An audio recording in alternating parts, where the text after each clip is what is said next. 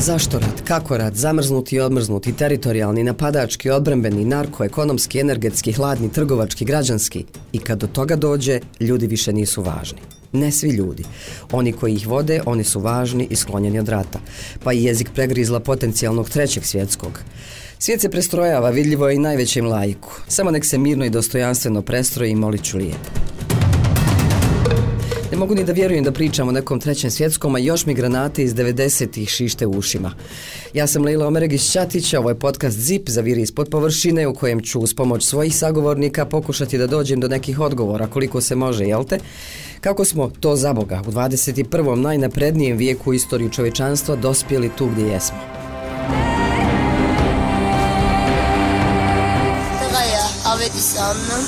On je dječak, njegovo ime je Avetis. Rodio se i onda je počeo rat. Napustili smo svoje domove i došli ovamo.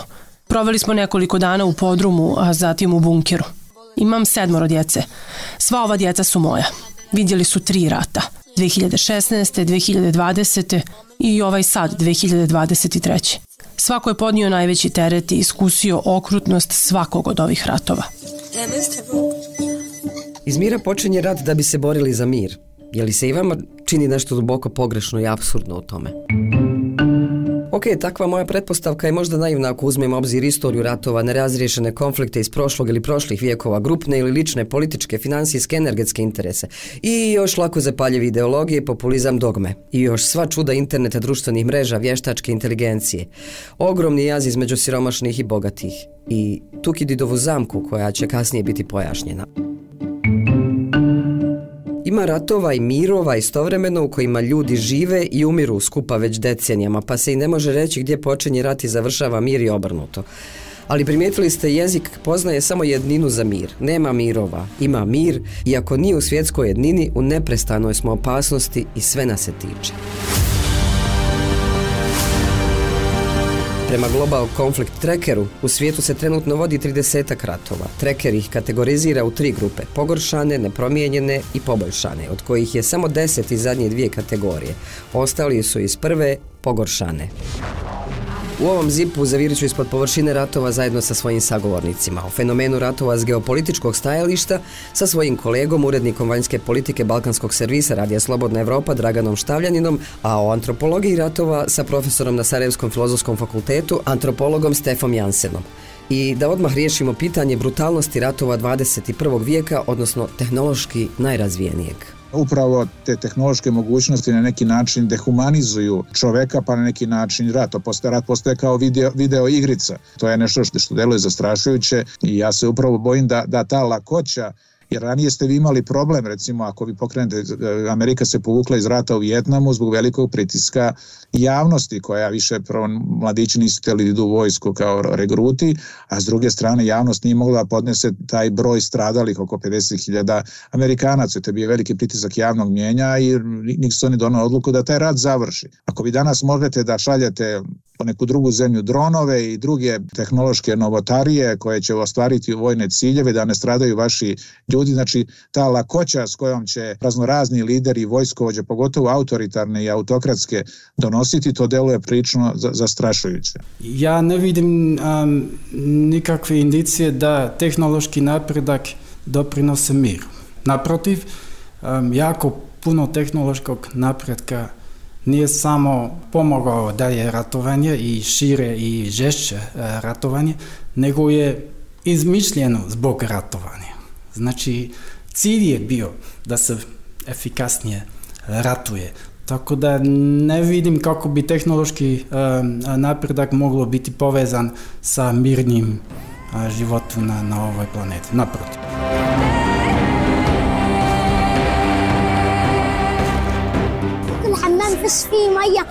Da vam pokažem kupatilo, nema vode, a odvratno je. Dobila sam osip pošto nije čisto i gadi mi se.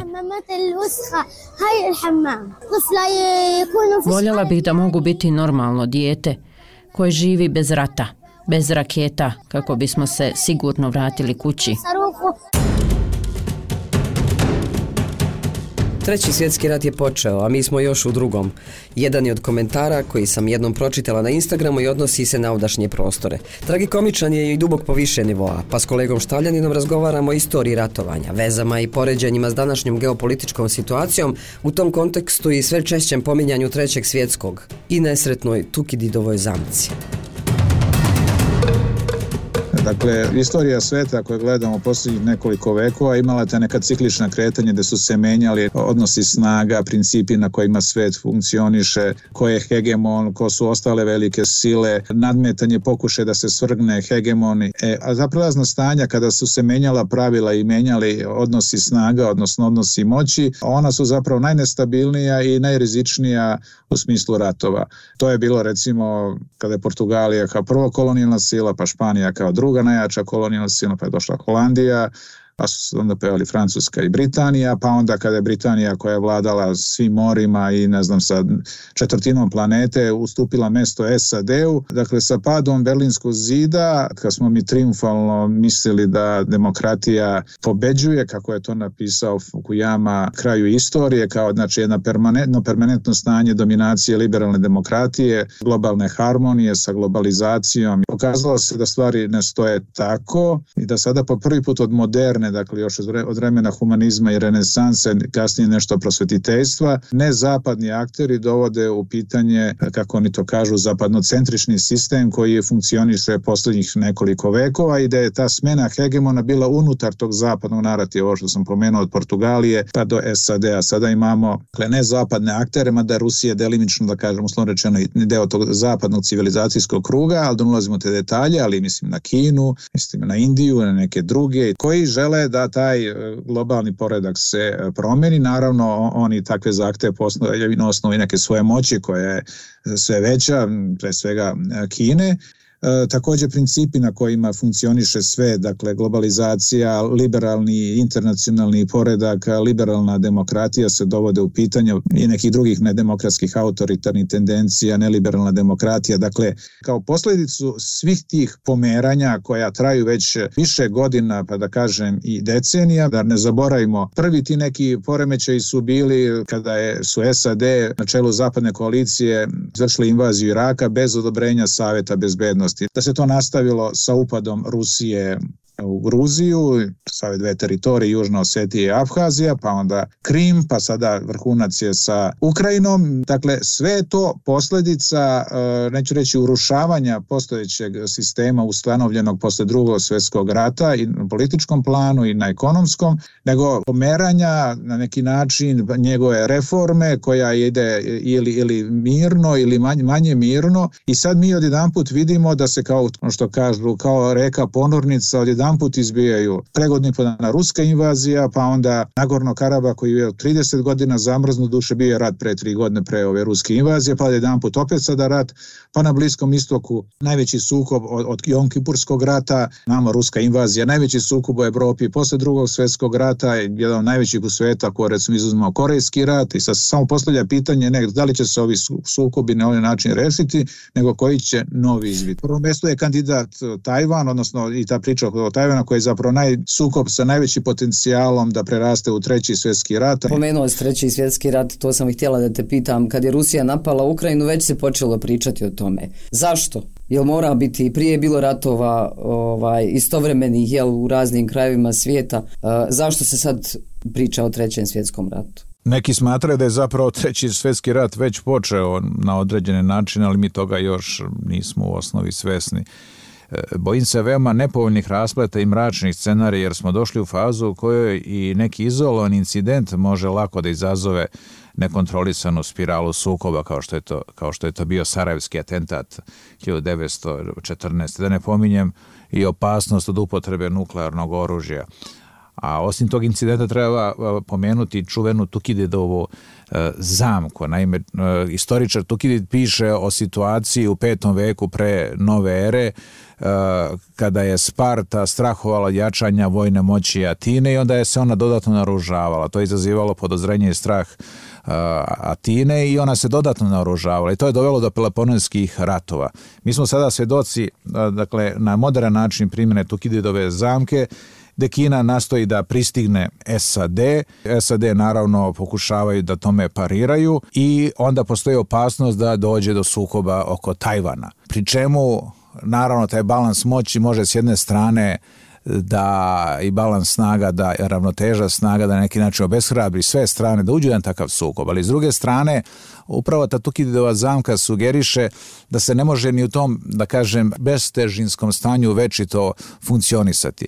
Naime, ako Kina, na primjer, bude previše odugovlačila napad na Tajvan, to se može protumačiti i kao slabo sadašnjeg režima u Pekingu, a i da susedi koji strahuju jačanja vojne moći Kine mogu da pomisle da Kina nije baš tako snažna i da ne treba da strahuju. S druge strane, Kina također strahuje da ako predugo ostane Tajvan po strani, da će se razviti taj posebni tajvanski identitet identitet će posle biti kasno da, da interveniše. Dakle, ona, dakle, ne samo incident, nego sistemski je u izazovu da, da, da krenu eventualno neki takav rat. Istovremeno SAD koje s jedne strane šalju vojnu pomoć Tajvanu, a s druge strane priznaju vlasti u Pekingu kao jedinog predstavnika Kine u međunarodnim odnosima, držeći se principa takozvane strateške ambivalentnosti. Ukoliko bi u slučaju napada Kine na Tajvan ostale po strani, dakle ako ne bi intervenisale na strani Tajvana, to je bio signal svim ostalim zemljama u okruženju da SAD više nisu strateški prisutne i dominantne u Aziji i da se pojavio, da kažem, novi gospodar, novi vladar u Aziji, a to je Kina, kojoj bi se te zemlje iz okruženja morale prikloniti i prihvatiti njegovu neospornu ulogu i uticaj. Stoga bi SAD morale kako da razmisle kako bi postupile u takvoj situaciji u slučaju napada Kine na Tajvan. S druge strane, kada je reč o ratu u Ukrajini, dakle imamo situaciju u kojoj Rusija ili Putin ne može da se povuče tek tako jednostrano, ne bi to doživeo kao svoj lični poraz i kao poraz Rusije. S druge strane, Evropa i Zapad generalno su prinuđeni, da kažem, osim moralnih razloga, i iz taktičkih i interesnih razloga da pomažu Ukrajini, jer ako Rusija pobedi Ukrajini,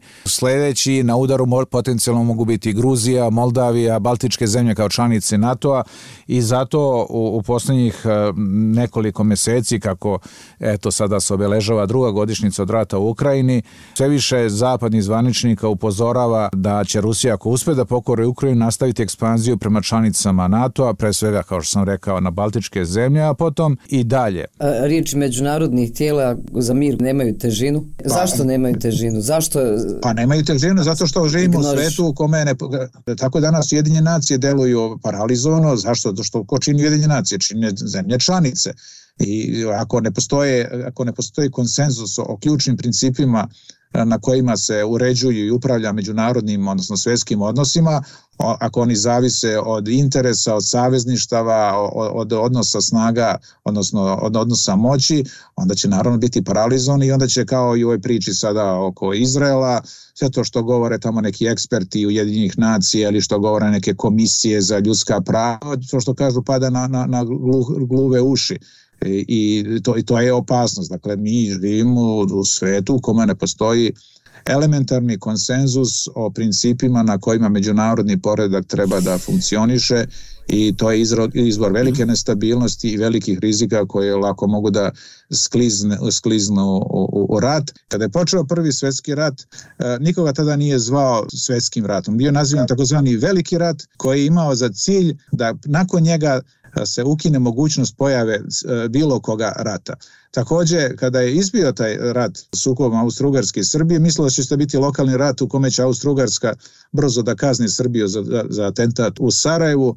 Čuveni britanski ministar inostranih poslova Edward Grey je rekao opet jedno dosadno leto, Austro-Ugarska je objavila rat Srbiji, za mesec dana cela Evropa je bila u ratu. Te kasnije je upotrebljena ta sintagma prvi svetski rat. Drugi svetski rat naravno izbio kako je izbio i već pred kraj drugog svetskog rata se govorilo kada se, videlo da će nakon drugog svetskog rata, iako su bili na istoj strani Sovjetski savez s jedne i a, zapadne zemlje s druge, da će doći do ideološke podele sveta, već se tada govorilo o opasnosti od trećeg svetskog rata. Čujena izjava Alberta Einsteina je dakle bila i odmah posle drugog svetskog rata, kad su Amerikanci potrebili nuklearno oružje pa su ubrzo do njega došli u njegov posjed i Sovjet Je rekao kao, kad su ga pitali kako će se voditi treći svjetski rat, da ne zna, a da zna će se četvrti svjetski rat voditi da toljagama i kamenjem. Dvojim nešto oko nuklearnog naružavanja. Da li je to garant svjetskog mira ili garant uništenja i samouništenja? Jel? Onako razmišljala sam o tome u smislu balansa straha ili ono kao može se pojaviti neko i samo. E pa, kao što sam rekao malo pre za onu, onu sintagmu da je, da je ovo veliki rat e, pa, na početku prvog svjetskog rata koji će ukinuti i dokinuti sve druge ratove, tako se isto smatralo da je pronalazak nuklearnog oružja garant da svet neće, e, ne samo da neće doći do te apokalipse, nego da će i ratovi biti sve manje vođeni. Međutim, mi smo vidjeli odmah posle drugog svjetskog rata taj korejski rat u kome su učestvovali i Amerika i Kina i Sovjetski savez indirektno i tako dalje, veliki sukob koji mogu isto preraste u, nuklearni rat. Pa smo vidjeli kao šta se desilo na Kubi, na kraju je su pronađena neka rešenja, dakle strah od destrukcije taj paradoks, taj strah od upotrebe nuklearnog oružja koji će dovesti do kraja civilizacije, koji je od svih ovih decenija služio kao najzapravo važniji sistem odvraćanja, ni on više nije garant. Zašto?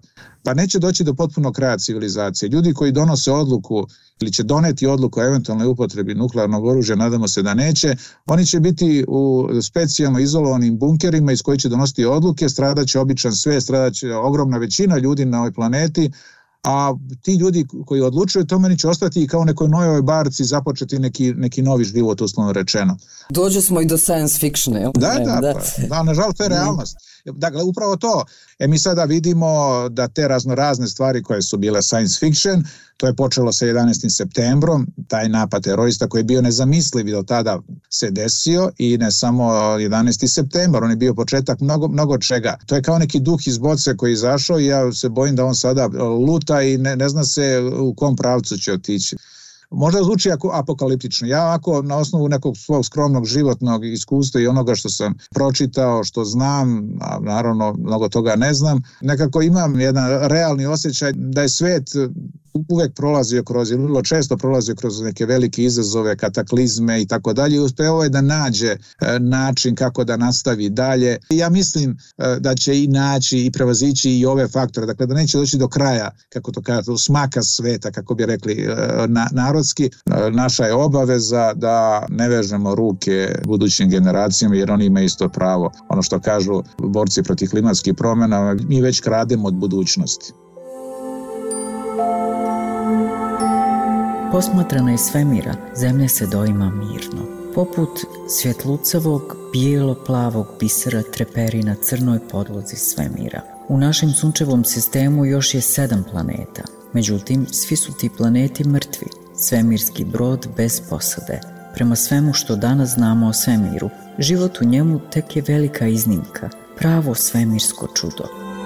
Zemlja, a s njom i čovjek koji na njoj živi, te životinje i biljke, nešto je sasvim posebno. Već iz posve sebičnih razloga čovjeku bi bilo dobro da se prema svom svemirskom brodu zemlji odnosi brižno. Isto tako, od posade tog broda moglo bi se očekivati da jedni prema drugima postupaju prijateljski, da si pomažu te da svako za opće dobro daje sve od sebe, Naime, drugog svemirskog broda nema, kao ni mogućnosti da se izađe i put nastavi pješke. Svemir je iznimno opasan po život. Postoje li onda nešto gluplje nego pretvoriti i sam svemirski brod u po život opasno mjesto? Igrom sudbine, ljudski je rod na svemirskom brodu zemlji, a posada ne zna cijeniti ljepotu, vrijednost i nevjerovatnu jedinstvenost te planete – umjesto da se u prvom redu brine za očuvanje svemirskog broda, a ponajprije njegovih sigurnosnih sistema, na primjer atmosfere, svim se silama trudi da ih uništi. Ovdje, dakle, imamo posla s upravo samoubilačkom posadom broda, ali gotovo je još užasnija činjenica da su članovi posade stalno u svađi, strašnoj ubilačkoj svađi. Ljudi za nju imaju i ime, rat.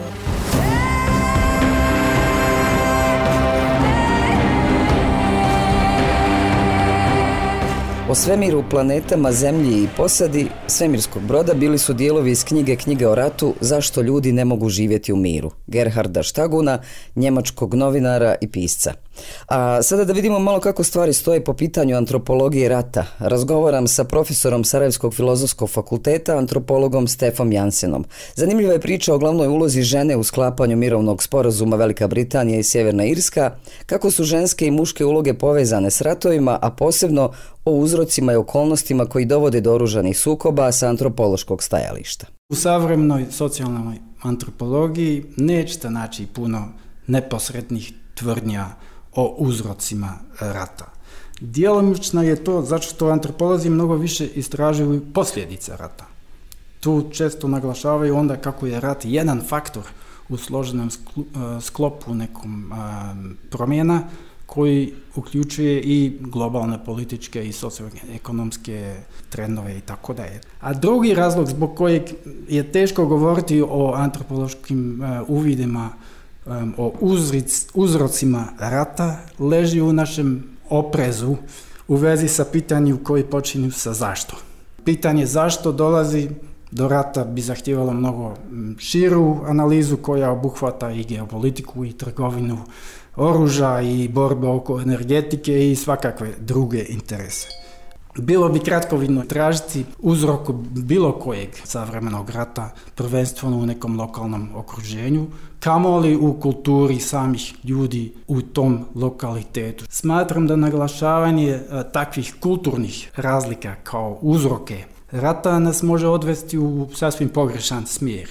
Jer onda bismo mogli zaključiti da se pojedini ratovi dešavaju jednostavno jer su ljudi iz nekih kultura e, više skloni nasilju nego neki drugi ljudi. Meni je to problematično i ovdje u Bosni i Hercegovini ljudi to dobro i znaju. Jedan način na koji se na zapadu govorilo o postjugoslovenskim ratovima u 90-ima je baš tako, da su oni proizvod nekakvih kulturnih crta ljudi na Balkanu. I uglavnom oni koji insistiraju na takvo objašnjenje rata, time sebe naravno predstavljaju kao superiorne, kao tolerantne, kao miroljubive. To je distanciranje od rata koji se odbacuje kao grubo, kao primitivno, ali i kao strano i daleko i nazadno. A takva tumačenja zahtijevaju da se zaboravi na vlastita ratovanja, na primjer na drugi svjetski rat, ali i recimo na u 90 na rat u Sjevernoj Irskoj, koji je itekako trajao u isto vrijeme. Tako je i danas istina da već neko vrijeme nema rata um, u zapadnoj Europi i u Sjevernoj Americi, ali iz toga ne možemo nikako da zaključimo da ta društva nisu u ratu. Samo se ti ratovi vode negdje drugdje, negdje daleko, svakako daleko za njih naravno. U tom kontekstu savremene antropološke studije rijetko traže objašnjenje prvenstveno u kulturi samih ljudi, u lokalitet gdje se dešavaju ratovi, a naprotiv mi najčešće pokušavamo da pokažemo povezanosti između dalekih ratova i nekih drugih pojava u drugim, hajmo reći, mirnim mjestima i one nam se možda čine potpuno odvojena, ali u stvari nisu. Klasičan primjer toga su istraživanje migracija na takozvanoj balkanskoj ruti.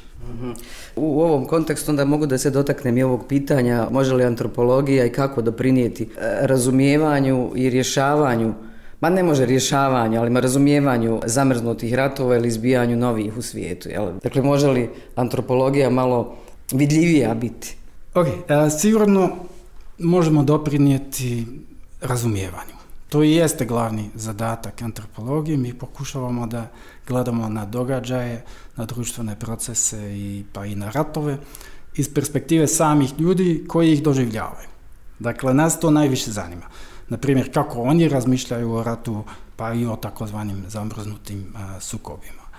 A najčešće se zato bavimo rutinskim svakodnevnim pojavama. Antropolozi se to proučavaju na osnovi dugoročnih istraživanja na licu mjesta i trudimo se da se stavimo u tuđim cipelama, da, da gledamo društvenu realnost iz tuđe perspektive. To je sporiji metod, to je dubinski način istraživanja i tu je antropologija prilično drugačija od, od drugih nauka i to stoji kad je rat u pitanju.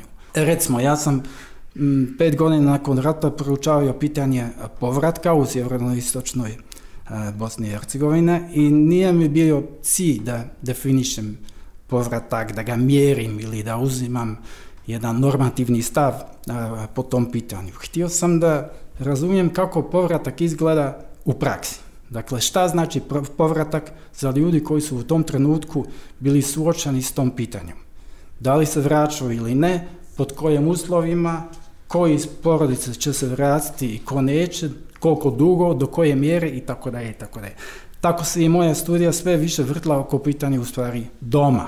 I to je relevantno pitanje za sve nas. Šta je nama uopšte dom? Pokušavao sam da povratak razumijem iz perspektive samih ljudi koji su suočavali s tom izazovom. I naravno, tu nikad nije riječ samo o jednoj perspektivi.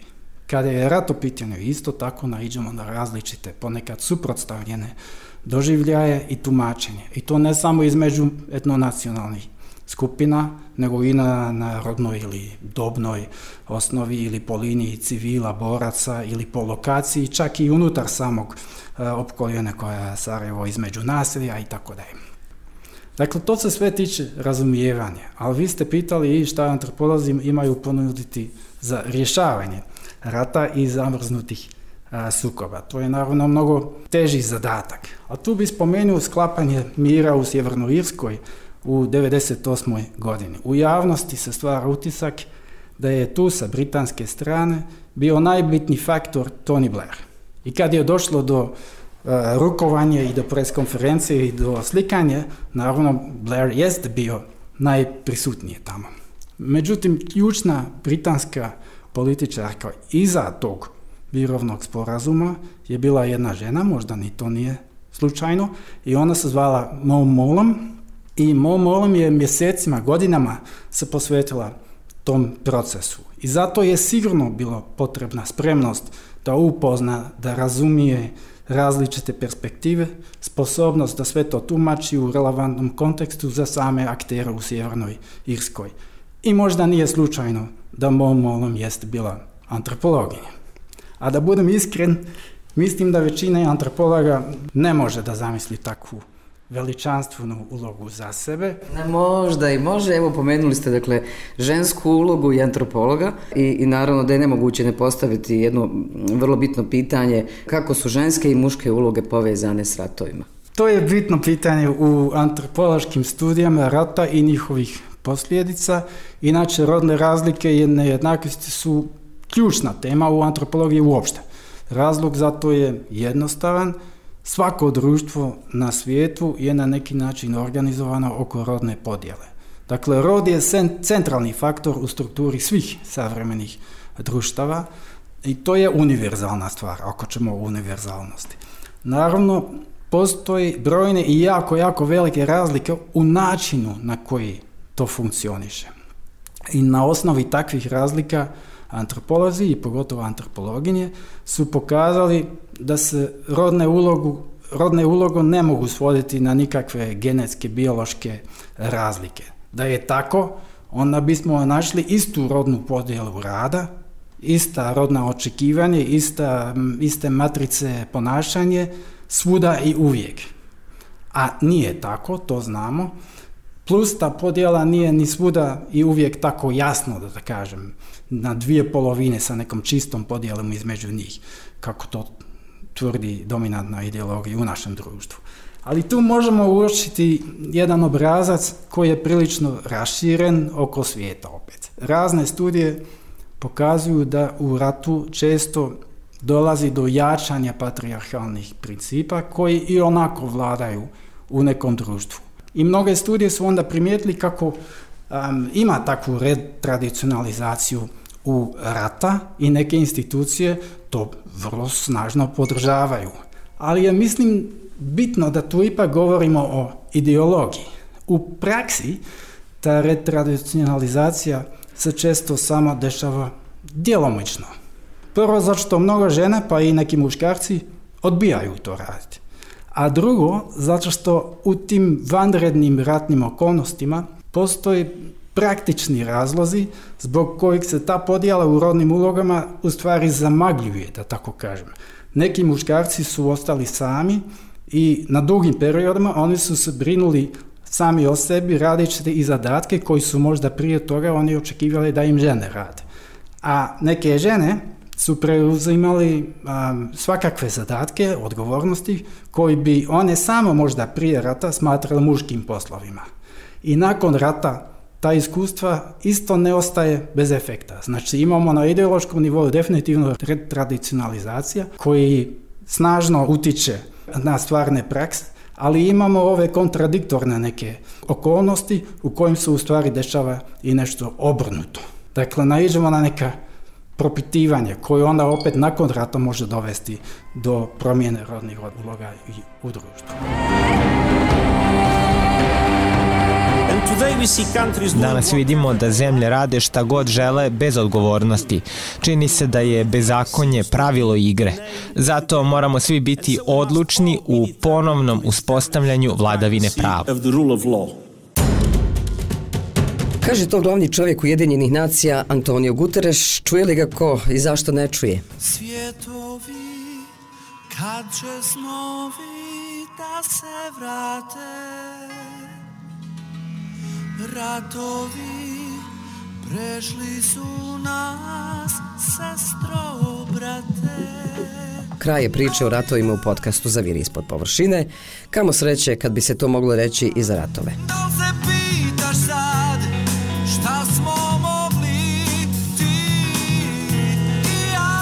ja. Sam Leila Omeregić-Ćatić, slušajte me ponovo u Zipu i drugim podcastima na slobodnaevropa.org, Spotify, Google i Apple podcastima. Ćao!